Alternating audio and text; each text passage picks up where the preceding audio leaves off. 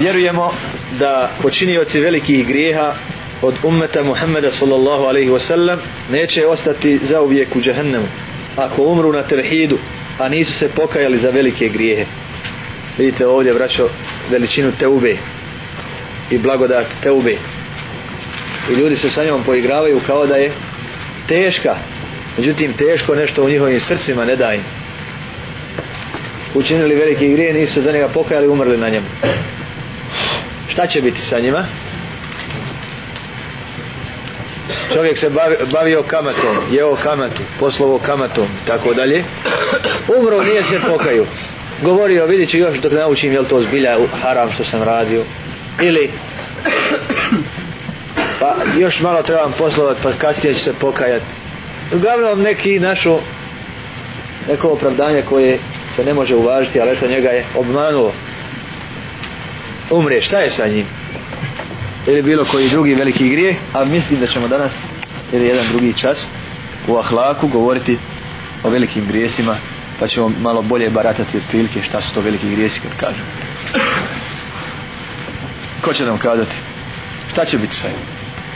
Činio veliki grijeh, umro na njemu, nije se Allahu Đalešanu pokaju. Znači, Ko će kazati, digne ruku i neka objasni svima. Bojru, bojru poslati svi. Allah će prošan na svoj dan prilukom vagana njegove dijela. Ako ne opasno, njegova ružna dijela prevagno, a ipak umro je sa trpinom. Pomeni će on ući u vatru, bit će određeno vrijeme onoliko kako Allah ovaj, koliko mu Allah odredi, da bi kasnije resni svoj šefat prijebio i da, bi, da se navodi da je jedan od vrsta šefata za one koji su činili teške grije, znači da izađu iz vatru. A ima isto tako i onaj hadis kaže iz vrste iz vatru, svako ono ko ima zrnce na ono, znači spomeni će on nekad izaći iz Može da i ne uđe u njegu. Možda da i ne uđe, možda da mu Allah Đalešanuhu oprosti zbog njegovi, njegove dobrote, zbog njegovog nekog drugog, drugog dijela, druge ne znam zasluge, ili Allah Đalešanuhu dobrote prema njemu.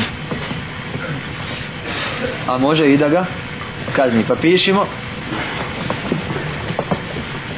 on je u domenu Allahovog Đalešanuhu htjenja, ako hoće kaznit će ga za taj grije, vatrom,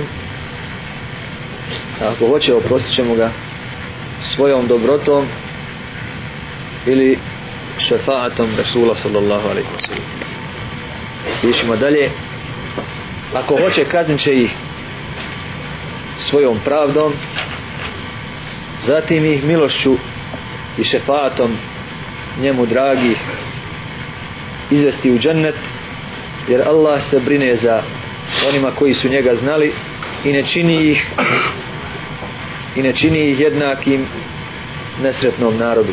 Ko su nesretni narod? To su kafiri koji ne imaju vjere, odnosno imana u Allaha tabaraka wa ta'ala.